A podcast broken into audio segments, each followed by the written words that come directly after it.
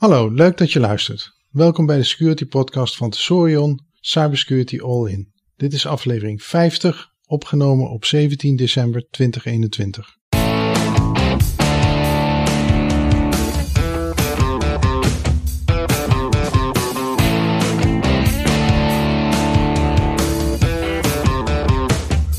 In deze aflevering bespreken we het recente security nieuws over Log4j en Log4Shell.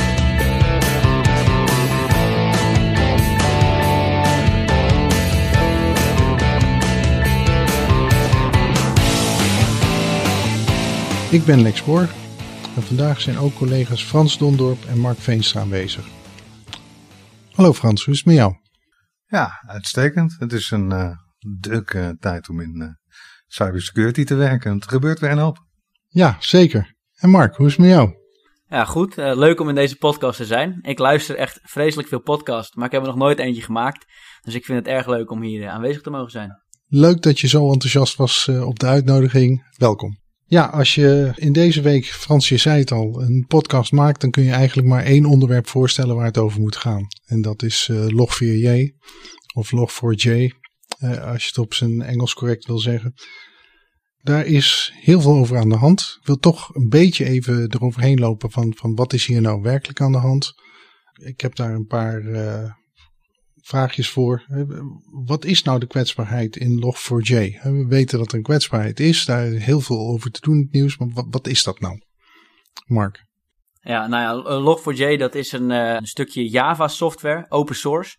Dat wordt door heel veel partijen gebruikt, omdat het dus uh, loggingsfunctionaliteiten kan bouwen die je kunt gebruiken in de applicaties die je zelf bijvoorbeeld ontwikkelt. Maar in die log4j zit dus een kwetsbaarheid. En die kwetsbaarheid die kun je door een hele simpele string in te, te vullen. Ja, via een server, want het komt met name voor op servers. Uh, kun je die dus triggeren door een, een, een simpel stringetje daarin uh, te vullen. Zo is het bijvoorbeeld ook in, in Minecraft ontdekt. Een club mensen van het beveiligingsteam van Alibaba Cloud Services, die heeft dit ontdekt.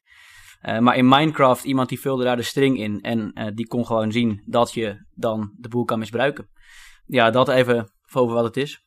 Uh, ja, je zei het is vooral op een server. Ja. Uh, hoe zet je de server aan om iets uh, fout te doen? je zei in, invullen van een, van een string. Ja. Maar waar komt die string dan vandaan? Nou, die string die is in de code gevonden.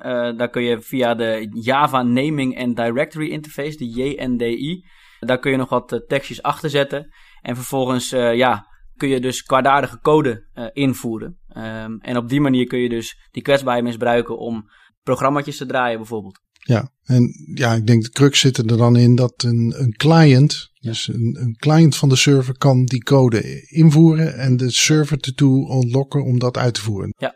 Ja, het is echt een ontwerpfout eigenlijk in de loggingsfunctionaliteit. Het is natuurlijk ontzettend gevaarlijk sowieso al dat je externen, hè, dus een eindgebruiker en dus ook een potentiële hacker, de mogelijkheid geeft om te bepalen wat er in een logbestand terechtkomt. En dat is wat hier misgaat. Dus de, uh, iemand, een externe, een, gebruiker, kan een bepaalde waarde invullen in een invoerveld. Of misschien een bepaalde waarde uh, invullen die via een koppeling terechtkomt bij de applicatie. De applicatie logt in het logbestand wat er in dat invoerveld staat. En als je dus een beetje slim bent, kun je daar een waarde in zetten die Log4j niet alleen vastlegt, maar ook uitvoert. En daar gaat het mis. Want je kunt dus code uitvoeren via de loggingsfunctionaliteiten. En dat kan op afstand. Dat heet een remote code execution probleem.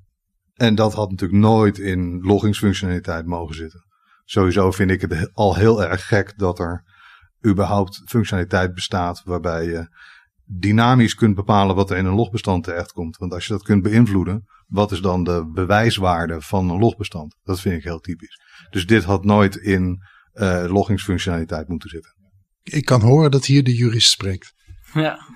Ja, misschien wel. Maar ik, het is toch eigenlijk gek dat, dat uh, Log4j functionaliteit in zich heeft waarmee je bepaalde informatie kunt opzoeken voordat de logregel weggeschreven wordt. Of waarbij je dynamisch kunt bepalen wat er in een logbestand terechtkomt. Want dat logbestand dat moet juist een platte weergave van de werkelijkheid zijn en niks dynamisch in zich hebben. Dus dat, is, dat was het eerste wat mij bekroop toen ik uh, dit verhaal hoorde. Ik moet wel zeggen dat ik het vanuit een hackersperspectief en uh, iemand met liefde voor techniek vind ik het een ontzettend mooie kwetsbaarheid. Niet voor niks dat er zoveel aandacht voor is. Hij is levensgevaarlijk en heel slim bedacht. Ja, wat betreft de ernst, dan komen we zo meteen wat verder op terug. Uh, ja, als er woorden kritiek, 10 out of 10, uh, erger dan shell shock, heartbleed en eternal blue wordt gezegd, dan, dan weet je hoe erg het is. Ja, zeker. Nou oké, we hebben een beetje een karakterisatie gegeven van, uh, van de kwetsbaarheid zelf. Maar waarom heeft hij dan zo'n grote impact bij gebruik? Je, je stipt het al aan geloof ik Frans. Hij heeft grote impact omdat de uh, kwetsbaarheid gebruikt kan worden om op de machine waar die loggingsfunctionaliteit draait, uh, code uit te voeren. En dat kan dus ook, noem eens wat, het installeren van malware zijn. En als je dat op afstand kunt doen, op zo'n simpele wijze dat je alleen maar de waarde op afstand hoeft uh, te bedenken en erin te schieten, dan kan iedereen dit. Ja, en het is vanuit het perspectief van de server dat je die eh, code uitvoert. Dus die kan vanuit de server, zelfs als die mag, het internet op. En alles binnenhalen naar die server toe, er gewoon naar naartoe trekken. Ja, en niemand verwacht dat dit soort kwetsbaarheden in loggingsfunctionaliteit zitten. Dus de logging wordt waarschijnlijk uitgevoerd met de rechten van het proces dat logging uh, nodig heeft. En dat kunnen hele hoge rechten zijn, als dat uh, bepaalde uh, serverprocessen zijn. En dat je dan op afstand als eindgebruiker kunt beïnvloeden wat die server doet. Die server heeft geen maatregelen om dat tegen te houden, want het is allemaal legitiem verkeer. Er is geen firewall of antivirus of wat dan ook die tegenhoudt wat mensen in invoervelden invullen. En misschien om een beetje beeldend te maken, je hebt een Amerikaanse YouTuber, John Hammond. Die maakt heel veel video's over cybersecurity onderwerpen. En die heeft natuurlijk ook deze vulnerability gedemonstreerd. Uh, in Minecraft, waar die onder andere ook uh, ontdekt is. En hij laat zien hoe je dus via de server, een Java server, die, het is alleen in de Minecraft Java versie, in de server die erachter hangt, en daar luistert hij op mee. Vervolgens typt hij in de chatbox van Minecraft die, die exploit regel. En daarin heeft hij een, een commando gegeven, open de rekenmachine. En je ziet vervolgens op die machine waar die server staat, de rekenmachine openen. Nou, dat is alleen nog maar iets simpels als die rekenmachine. Maar je moet je voorstellen, elke code die je daar invult, dat programma zal dus worden gedraaid. En dat maakt deze uh, vulnerability zo, uh, zo spannend. Dat maakt hem ook denk ik zo veel makkelijker te misbruiken dan een, een SQL uh, server injectie of zo. Want je hoeft alleen maar een, een commando op de juiste plaatsen in de string te zetten. En je weet dat die uitgevoerd wordt op het moment dat die string gevonden wordt. Waarbij je met een eh, SQL Server injectie moet je nog een hele hoop aannames doen over wat zit in de database, hoe wordt dat genoemd, om dat effectief te maken. Ja. Welke programma's zijn dan kwetsbaar? Dat is natuurlijk de moeilijke vraag, want eh, zoals Mark net zei, uh, het is open source uh, software. Het mooie van open source is dat iedereen het mag gebruiken, maar ook aanpassen en opnemen in eigen software. Dus het kan overal in zitten. Het probleem is bovendien ook nog eens een keer dat het niet alleen in applicaties kan zitten, maar het kan ook in een ketenproces zitten. En misschien gebruik je een procesapplicatie waar Log4j helemaal niet in zit. Maar als daar een berichtje uit uh, geschoten wordt via een koppelvlak naar een andere server die dat wel gebruikt, dan zit het ook in je hele keten. En dan kan je alsnog binnen het bedrijfsnetwerk komen. En het vervelende waar we nu in zitten, is de analysefase dat het heel ingewikkeld is om naar boven te krijgen waar het allemaal in zit. Mark zei net dat hij het al even had opgezocht waar de teller nu op staat. Ja, het, uh, het Nationaal Cybersecurity Centrum die heeft um, in de afgelopen week een, uh, een GitHub pagina geopend om ook informatie te delen met uh, bedrijven, andere organisaties en dat wordt ook internationaal opgepakt. Hebben ze ook heel veel complimenten op gekregen hoe ze dat nu, nu aanpakken. Uh, maar daar hebben ze ook een lijst gepubliceerd met het aantal applicaties dat, dat kwetsbaar is. En inmiddels staan er 2576 regels gedefinieerd. Daar is al wel een onderscheid in gemaakt in hoeveel er kwetsbaar zijn en hoeveel er niet kwetsbaar zijn. Maar dat geeft wel even aan hoeveel er in ieder geval nu al bekend is. Een paar dagen geleden stond hij op ongeveer 1500. Dus er zijn alweer duizend bijgekomen. dus die lijst is dynamisch. Zoals gezegd, het zit in Minecraft. Uh, Tesla was bijvoorbeeld uh, kwetsbaar. Apple is het ook gevonden. Iemand kon volgens mij in de, in de webversie, als je je Apple ID zou willen aanpassen, dat je hem ook kon triggeren. Dus het zit echt in heel veel omgevingen. Ik kreeg ook afgelopen week een mooi uh, plaatje doorgestuurd. En dat was een soort, ja, uh, blokkentoren. En die blokkentoren stond boven uh, All Modern Infrastructure. En dan was er één klein pilaartje, Log4j. En daar stond een hamertje bij met dus die exploitcode. Ja, als je dat wegtikt, dan maakt al die andere prachtige, vaak ook dure infrastructuur eigenlijk helemaal niks meer uit. Ja, en het is natuurlijk heel vervelend. Om, om deze eh, kwetsbaarheid te misbruiken moet je natuurlijk nog wel weten waar in de applicatie je de exploitregel in moet voeren. Het probleem is natuurlijk dat zodra het bekend is en het eh, op internet staat, dat iedereen het dan weet. Dus dit is echt een klassieke race tegen de klok van de good guys eh, tegen de bad guys. Dat we zo snel mogelijk moeten weten welke applicaties en die dan ook zo snel mogelijk updaten. Ja, want het is heel makkelijk te testen of iets kwetsbaar is. Maar dat laat ook zien hoe makkelijk het uh, te misbruiken zou zijn. Ja, bij andere uh, kwetsbaarheden heb je bovendien de nodige technische kennis of misschien wel tools nodig om er misbruik van te maken. Maar als nu op internet staat, als je dit invult in dat tekstveldje van die applicatie, dan ben je binnen. Ja, als dat publiek bekend is, dan kan iedereen dat. Ja, bij Tesla was het zo simpel als je Tesla naar de string noemen. Nou, zoiets. Ik wist die nog niet en ik heb een Tesla, dus dat gaan we nog eens even proberen. Nou, ja, hij is niet meer kwetsbaar, hè? en ja, maar het laat wel inderdaad zien, we weten dat, dat Java software is kwetsbaar. Maar Java software wordt op heel veel plaatsen in de keten gebruikt, zoals je al aangaf. Dus ook al heb je een niet-Java programma die de string verwerkt, die geeft het wellicht door aan een wel-Java programma wat wel kwetsbaar is. En natuurlijk het tweede, wat dat Java programma moet ergens de log functionaliteit van Log4j gebruiken. En dat is niet allesdekkend, maar zelfs als dat 30% van de gevallen is, dan zit je nog aardig kwetsbaar. Ja. Zeker over een hele keten heen. Maar het maakt ook dat daarom heel moeilijk te vinden is, hè, die kwetsbaarheden. Je moet hele ketens gaan inspecteren voordat je een uitspraak kunt doen. We hebben inmiddels ook al aanvallen gezien in het wild, hè? Ja, bij, bij, bij een klant waar ik werkzaam ben, daar wordt ook actief gescand na deze kwetsbaarheid. En daar hebben we ook al flink wat pogingen gezien dat die uh, geprobeerd is. Daar is hij nog niet succesvol gebleken. Nou, het is in ieder geval goed om te zien dat de monitoring daar uh, effectief is. Uh, ergens deze week is wel de eerste succesvolle ransomware uitgerold via deze vulnerability. en ja, hoe, hoe, hoe, groter het wordt, hoe groter ook de kans dat meerdere criminele organisaties in het cyberdomein hierop gaan duiken. En dan is het meer een race tegen de klok. Hebben we het op tijd gepatcht? Dan zit je ook nog eens met die patch, want we hebben nu de twee patches al inmiddels, de 2.15 en de 2.16. Die 2.15, daar is ook weer een kwetsbaarheid in gevonden, dat die remote code execution nog steeds uh, mogelijk is. Dus ja, iedereen die de afgelopen week alle patchingsacties heeft uitgevoerd, die mag nog een keertje opnieuw gaan uh, beginnen. Dus het is echt een race tegen de klok. En uh, we denken dat het nog een kwestie van tijd is dat we veel meer mogelijke aanvallen gaan zien. Maar de kwetsbaarheid 2.15 is gelukkig geen 10 eh, uit 10 die nog over die opnieuw ge... Ja, hij was oorspronkelijk ingeschaald als een 3.7, maar inmiddels is hij al verhoogd naar een 9.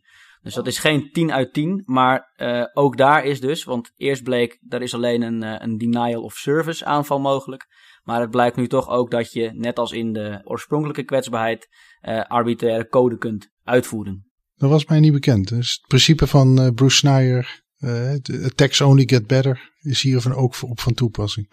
Ja, nou goed, kijk, uh, zoals Frans dan zei, de hele wereld is hiermee bezig. Het zit op heel veel omgevingen. Dus uh, ja, ik denk omdat iedereen erop zit, zijn er ook heel veel organisaties bezig. Er zijn meerdere ook GitHub-pagina's aangemaakt. Iedereen is bezig om dit aan te pakken. Maar ja, dat trekt natuurlijk ook de mensen met kwade bedoelingen aan. Ja. En wat ook nog wel een interessante gedachte is, is om juist nu deze kwetsbaarheid te misbruiken om uh, achterdeurtjes in te bouwen, die dan misschien als straks de aandacht voorbij is, dan pas misbruikt zullen worden. Dus het is ook maar de vraag, ja, dat we nu niks zien, dat betekent nog niet dat het ook niet gaat, uh, misbruikt gaat worden in de toekomst. Ja, je hebt denk ik drie mogelijke aanvalspaden. De, de, de crypto mining, die hebben we al gezien. We ransomware beginnen we nou te zien. Maar wat je niet ziet is natuurlijk degene die ja, zich ingegraven hebben en daarmee een passief botnet of hun botnet uitbreiden en daarmee uh, toeslaan wanneer het ja, allemaal uh, opgelost en gefixt lijkt te zijn. Precies, ja. De aanpak van NCC en DTC, uh, Digital Trust Center en het Nationaal Cybersecurity Center, lijkt heel geroemd te worden. Zelfs wereldwijd gaf je al een paar keer aan, Mark. En het lijkt ook deze keer heel anders aangepakt te worden dan een andere kwetsbaarheid. Dus de Citrix kwetsbaarheid, waar toevallig nou ook net een rapport over gekomen is van waarom dat wat minder goed ging. Gaat het nu ook beter? Uh, nou ja, die geluiden die hoor je wel. Dat juist door actief de samenwerking op te zoeken met heel veel verschillende organisaties, dus zowel in Nederland als in het buitenland, wordt er echt door de hele ja, cybersecurity community, als ik het zo mag noemen, nu samengewerkt. Uh, er zijn heel wat uh, pull requests die ook richting uh, de NCSC worden gestuurd. Dus er, er, is vanuit het NCSC ehm, echt een hele grote poging om die samenwerking te zoeken. Nou ja, je noemde zelf al, het is ook een vrij serieuze kwetsbaarheid. Misschien hebben ze geleerd van hun fouten in het verleden om juist dat nu wat proactiever aan te pakken. Ja, was het een fout in het verleden? Nou, dat denk ik niet. Het Cybersecurity Center heeft natuurlijk een, een heel specifieke taak en een heel specifiek uh, domein voor de vitale sector en de overheid. In het Citrix-verhaal kregen ze kritiek dat ze alleen de vitale sector en de overheid bedienen, maar daar zijn ze ook voor. Wat opvalt nu is dat ze eh, informatie heel breed delen, vanuit iedereen naar iedereen. Ze willen echt een een, uh, een centraal informatiepunt zijn. En ze hebben ook de autoriteit om dat te zijn. Hè, want iedereen neemt klakkeloos over wat het NCSC hierin doet. Dus ik, ik vind het nu heel goed dat ze een leidende rol zichtbaar ook pakken richting de oplossing. Dat ze informatie bij elkaar brengen. En de discussie bij Citrix over waarom informeer je nou de ene partij wel en de andere partij niet, die speelt hier dus niet. Want in principe is iedereen geïnformeerd. Ik vind dat ze dat heel goed doen. En ik denk niet dat het NCSC het de vorige keer verkeerd heeft gedaan. Ze kregen heel veel kritiek. Ik vond het eigenlijk niet zo terecht. Want uh, ja, zij hebben gewoon een bepaalde taak en een bepaald doel. En die uh, vervullen ze ook heel goed. Ja, we hebben natuurlijk nou het geval dat Digital Trust Center is ook een uh, partij nou. Die heeft een breder mandaat en de samenwerking denk ik is goed gelopen. Ze hebben vanaf het begin gewoon centraal samen de regie gepakt. Dat geeft heel veel duidelijkheid. En dan hoef je niet twee bronnen te bekijken. Dus ik denk dat wat dat betreft hier een goede stap mee gedaan is. De vraag is even, blijft dat zo? Ik, we hopen natuurlijk niet dat volgend jaar weer zo'n uh, 10, uh, 10 uit 10 uh, kwetsbaarheid is. Nou ja, kijk, we verwachten natuurlijk alleen maar meer kwetsbaarheden. Als er meer software komt, komen er ook meer kwetsbaarheden. Dus dat, dat aantal het zal niet uh, terug, uh, teruglopen. Ik vind het, uh, het informatiedelen met name heel erg goed. Kijk, we kunnen nog steeds niet verwachten dat het NCSC voor iedereen in de bij springt. Want dat, dat, dat gaat ook niet. Daar zijn ze gewoon beperkte middelen natuurlijk ook voor. En dan land je in de discussie, wat is vitale sector? Nou, we hebben in de coronacrisis natuurlijk gezien dat men uh, her en der vindt dat de zorg ook vitaal moet worden. Nou, we hebben de NIS 2-richtlijn uh, die uh, binnenkort van kracht wordt in Nederland ook. En die gaat daar natuurlijk het nodige ook in uitbreiden. Ja. Maar dat is een heel andere discussie. Dus het is niet zozeer of het NCC het goed doet of fout. Maar wat is de scope van de vitale sector? Wat valt daaronder? Dat is eigenlijk de discussie. Nou, en daar kunnen we een andere keer inderdaad over NIS 2 uh, verder dieper doorgaan. Een ander punt van kritiek uh, wat er over Citrix gegeven werd, was dat ja, eigenlijk zouden leveranciers verantwoordelijk gehouden moeten worden voor de fouten in hun software. Dat is natuurlijk prima als je praat over een leverancier die met commercieel belang een eh, software produceert. Maar hier hebben we het over open source software. Geldt daar hetzelfde voor? En eh, zo ja, wie hou je dan verantwoordelijk? Nou, ik denk dat het lastig is. Um, uh, in het geval van Log4j, dat heeft de NRC een artikel over geschreven dat zes mensen in de wereld, nou of dat aantal klopt, dat neem ik dan maar even aan op dit moment, maar dat zes mensen in de wereld dus in hun vrije tijd uh, bezig zijn om deze uh, software uit te bouwen. En dat is inderdaad open source beschikbaar gesteld aan de rest van de wereld. Die mensen doen dat denk ik met de beste bedoelingen en waarschijnlijk is dit over het hoofd gezien. heel veel organisaties, nou ja, als je die lijst van het NCSC ziet, meer dan 2500 hebben gebruik gemaakt van Log4j. En het zit waarschijnlijk dus ook, zoals je zelf al zei, Lex, eh, soms in een keten misschien eh, verweven, waarbij het naar boven komt. Ja, wie is dan verantwoordelijk? Ben jij verantwoordelijk voor als je de code schrijft? Of ben je verantwoordelijk als jij als vendor commerciële bedoelingen deze open source software opneemt in jouw systemen. Uiteindelijk verkoop jij een product, ga jij waarschijnlijk als, als, als leverancier een contract aan met, met, met je klanten. En dan moet jij ook instaan voor alles wat je gebruikt hebt. Dat is een beetje hoe ik er zelf tegenaan kijk. Ik denk dat deze discussie nog wel terug gaat komen de komende tijd. Ja, het, is geen zwart-wit van je kunt de, de maker van de software verantwoordelijk stellen. Want het open source met en zonder geldelijk belang iets bijhouden. Kun je bijna niet een zo'n zo norm opzetten. Maar ja, waar leg je die norm dan wel? En die, ja. Uh, die ligt op dit moment bij degene die de software dan uiteindelijk gebruikt. En ook dat doen we in steeds bredere ketens. Dit is denk ik een heel lastig topic om goed organisatorisch in te richten. Nou, het is maar net wat je contacteert natuurlijk. Hè? In de, bij open source software, daar uh, hoort een licentie bij. En uh, degene die open source software gebruikt, gaat akkoord met die licentievoorwaarden. En daar staat 100% zeker weten in dat de maker niet aansprakelijk is voor eventuele fouten. En ook een commerciële partij kan natuurlijk gewoon in zijn licentievoorwaarden uh, zeggen dat als er eventuele fouten in de software zitten, dat ze dan een beperkte aansprakelijkheid hebben. Dat, dat gaat, dat kan je gewoon in je contact zetten. En als de klant akkoord is met die aansprakelijkheden, ja, dan is uiteindelijk de rekening voor de klant. Ja, en als er sprake is van een contract kun je nog waarschijnlijk met wetgeving daar wat uh, beperkingen aan uh, zetten. Ja, maar uiteindelijk is het natuurlijk uh, net als het kopen van alles anders. Je, je koopt iets en in dat contract staat um, hoe de productaansprakelijkheid zit. En dat is hier niet anders. Ja, maar oké, bijvoorbeeld in de auto-industrie zijn er gewoon nationale regels waar een auto aan moet voldoen aan veiligheid.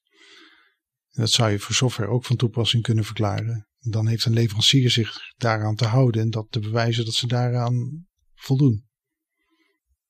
Die discussie die hebben we uh, ook wel eens eerder gehad. Dat bepaalde apparatuur een, uh, getest moeten worden door security uh, specialisten. Nou, dat kan natuurlijk. Maar het is dan ook maar weer de vraag wat je vindt wat je, en wat je niet vindt.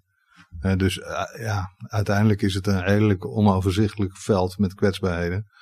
En um, ja, ik denk vooralsnog kom ik niet veel, veel verder dan vooral heel veel aandacht hebben voor de kwetsbaarheid, de mogelijkheden dat software kwetsbaar is. En die aansprakelijkheidsdiscussie is echt heel complex. Ja, mee eens.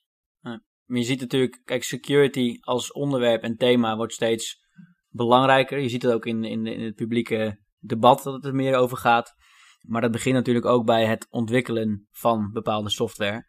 Uh, als jij als developer uh, bepaalde code schrijft, ja, dat, dat zal ook steeds meer vanuit een, ja, een DevSecOps uh, constructie, waarbij je het, het, het, meer agile DevOps werken, dat ook security daar een grotere rol in gaat spelen. Dat de code die je schrijft ook al tussendoor vaker onderworpen wordt aan security controles, zodat je ook met meer zekerheid kunt zeggen dat de code die je ontwikkeld hebt, dat daar geen gekke kwetsbaarheden in staan. Kijk, kwetsbaarheden zullen waarschijnlijk altijd uh, gevonden worden, want ja, wat nu veilig is, is misschien over een hele lange tijd minder veilig.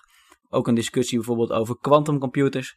Dat je nu uh, heel veel data buiten kunt maken die je nu nog niet kunt ontcijferen. Maar misschien als straks uh, commerciële quantumcomputers beschikbaar zijn, dat je dan alles wat je in de loop van de tijd hebt verzameld nog een keertje kan, kan proberen te decrypten. Maar dat begint dus ook met de code die je schrijft. En ik denk dat het daarom belangrijk is dat ook security daar steeds serieuzer in wordt meegenomen. En ik heb het gevoel dat dat wel steeds meer gebeurt. Ja, dat is de, de richting waar het in, op dit moment in moet gaan. En iets beters hebben we niet dan dat, denk ik. Nee, dat denk ik ook. Heb je nog een uitbrander toe te voegen? Nou ja, die aandacht voor security in zowel technische zin als in procedurele zin ik vind het, uh, als je nu kijkt naar de adviezen van NCSC over uh, de, de aanpak voor, uh, voor deze kwetsbaarheid. Ik heel opmerkelijk dat begonnen wordt met het advies: zorg dat je je, je crisisafhandeling staat. Hè? Dus zorg dat je een draaiboek hebt en bereid je voor op misbruik. Dat is um, geen technische aanpak, maar een procedurele. En dat vind ik eigenlijk heel sterk. Het geeft de ernst aan van deze kwetsbaarheid. Hè? bereid je voor op misbruik. Maar ik vind het ook heel goed dat het niet te beperkt wordt uh, aangepakt. Je kunt natuurlijk zeggen van ja, we moeten zo snel mogelijk alle service patchen en daarna gaan we door uh, zoals ooit tevoren. Maar dat je zegt van zorg dat je crisisorganisatie staat, weet dat je wat je moet doen als je gehackt wordt. Ik vind dat heel sterk. En dat geeft ook de ernst van de situatie aan. Maar geeft ook aan uh, dat cybersecurity meer is dan alleen computers, laat ik het zo zeggen. Ja, wat ook een paar keer terugkwam is van je moet je basis op orde hebben. Ja. En daar focussen wij als bedrijf ook op. Uh, je moet je, het helpt om te monitoren, zodat je weet wat er aan de hand is. En dan kun je dit soort misbruik wellicht tijdig ontdekken. En uh, ja, het helpt heel goed om te weten hoe je moet uh, handelen bij een, bij een crisis, bij een incident en bij een crisis. Klopt. Ja, nou, en dat begint inderdaad ook, bijvoorbeeld het overzicht van wat voor apparaten heb je nou allemaal binnen je bedrijf. Om ook te weten, hey, waar werken we nou mee? Uh, hebben we dat allemaal in zicht? Uh, is dat dan kwetsbaar om dat uit te zoeken? Uh, en dat begint inderdaad in de basis dat jij, nou dat heet dan vaak asset management, dat je dus een registratie hebt van de gebruikte apparatuur. Zodat je nu ook met de nou, techniek die dan weer bij komt kijken kunt scannen. Hebben wij dan ook apparaten waar deze kwetsbaarheid op voorkomt? Want als je überhaupt al geen overzicht zou hebben gehad, dan wordt het ook heel lastig om te uit te vogelen. Hebben we het eigenlijk? Um, dus ik denk dat dat zeker uh, ook onderdeel is van ja, een soort van basishygiëne op digitaal gebied. En dat dat ja, ook zeker een grote rol speelt in dit, in dit probleem, dit incident. Oké, nou, dan zit deze podcast er weer op. Als eerste wil ik graag jou, de luisteraar, bedanken dat je de podcast beluisterd hebt. Mocht je willen reageren naar aanleiding van deze aflevering, stuur ons dan een bericht. Mijn e-mailadres is lex.borger.tesorium.nl